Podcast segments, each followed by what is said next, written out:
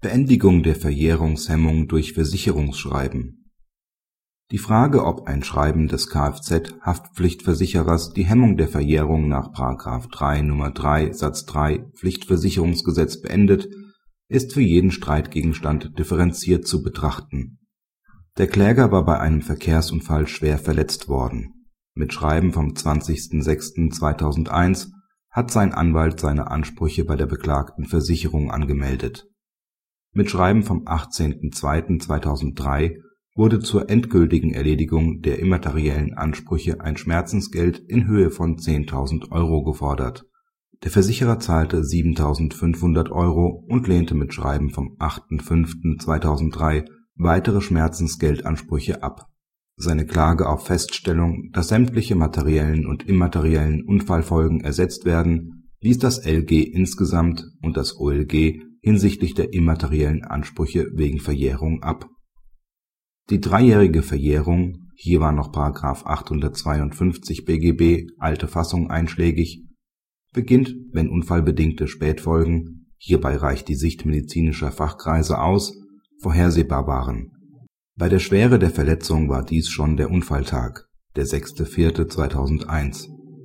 Die Verjährung war allerdings insgesamt durch die Anmeldung der Ansprüche mit Schreiben vom 20.06.2001 gehemmt (§ 3 Nr. 3 Satz 3 Pflichtversicherungsgesetz). Diese Hemmungswirkung wird durch eine klare schriftliche Entscheidung des Versicherers in positiver oder negativer Sicht beendet. Eine klare Stellungnahme der Versicherung erfolgte mit Schreiben des Beklagten vom 8.05.2003 allerdings nur in Bezug auf die immateriellen Ansprüche. Die materiellen Ansprüche werden in dem Schreiben nicht behandelt. Verjährt waren daher nur die immateriellen, nicht aber die materiellen Ansprüche. Praxishinweis Dieses Urteil zeigt wieder die besondere Bedeutung der Regelung des § 3 Nr. 3 Satz 3 Pflichtversicherungsgesetz (jetzt § 115 VVG) für die Regulierung des Schadens in der Kraftfahrtversicherung auf mit der Anmeldung sind die Ansprüche des Geschädigten umfassend gehemmt.